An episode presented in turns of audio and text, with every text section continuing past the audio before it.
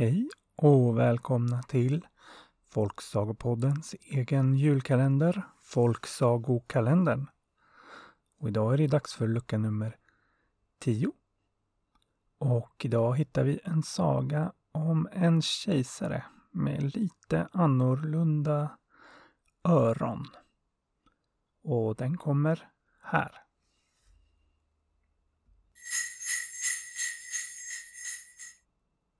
Det var en gång en kejsare som var född med getöron. Men det tyckte han inte om när någon pratade om. Och varje morgon så kallade kejsaren till sig en barberare för att raka honom. Och varje morgon när han var färdigrakad så frågade han barberaren om de sett något konstigt. Och barberarna, som inte ville ljuga för kejsaren, sa Ja, du har ju getöron. Och när de sa det så blev kejsaren rasande och såg till att avrätta barberaren. Och det gjorde ju att det gick åt väldigt många barberare i det här landet. En om dagen. Och till slut så fanns det nästan inga barberare kvar. Förutom självaste mästarbarberaren som tränade upp nya. Och han fick ju träna upp nya barberare med en hyjeda fart för att hinna med. Så en dag så var det dags för självaste mästaren att gå dit och raka kejsaren. Men han blev sjuk just den dagen. Så han fick skicka sin bästa lärling. Och när lärlingen kom dit och kejsaren fick se att han var så ung så frågade han om det verkligen var den bästa barberaren som hade kommit nu. Men lärlingen fick säga som det var att den bästa barberaren, mästaren, han hade blivit sjuk. Men eh, att han själv var den näst bästa barberaren i hela landet. Och det var ju faktiskt sant. För alla andra barberare hade blivit dödade av kejsaren. Nå, då tyckte kejsaren att det ändå lät okej okay och satte sig för att bli rakad. Så barberarlärlingen satte igång att raka kejsaren. Och han var mycket noggrann på ett sånt där sätt som bara elever kan vara. Och kejsaren tyckte att det var en behaglig rakning.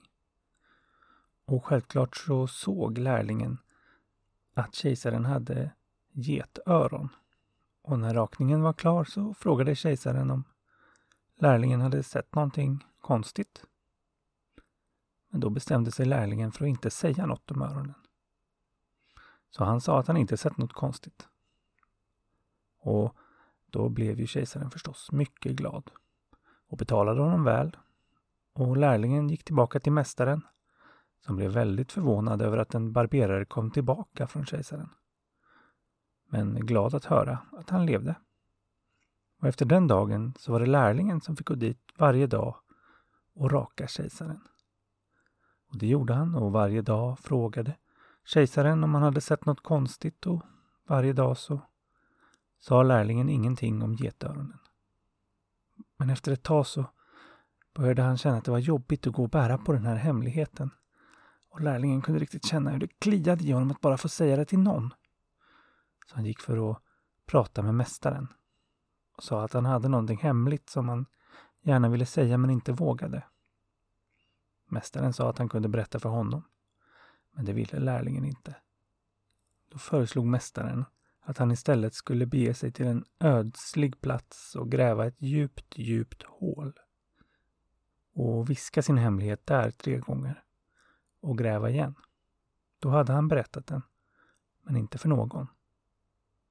Och det tyckte lärlingen lät som en bra idé. Så han begav sig långt bort till ett ödsligt fält och grävde ett djupt, djupt hål. Och där nere viskade han. Kejsaren har getöron. Kejsaren har getöron. Kejsaren har getöron. Och så grävde han igen hålet.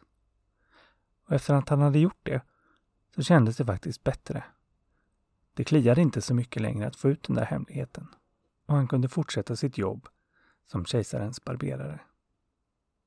Men där han hade grävt hålet så växte det snart upp ett träd med tre långa fina stammar som var alldeles raka.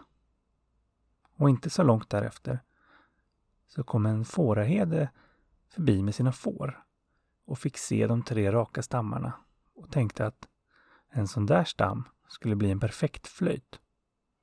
Så han högg ner en av stammarna och gjorde en fin flöjt av den. Men när han skulle spela på den så lät den inte som en vanlig flöjt.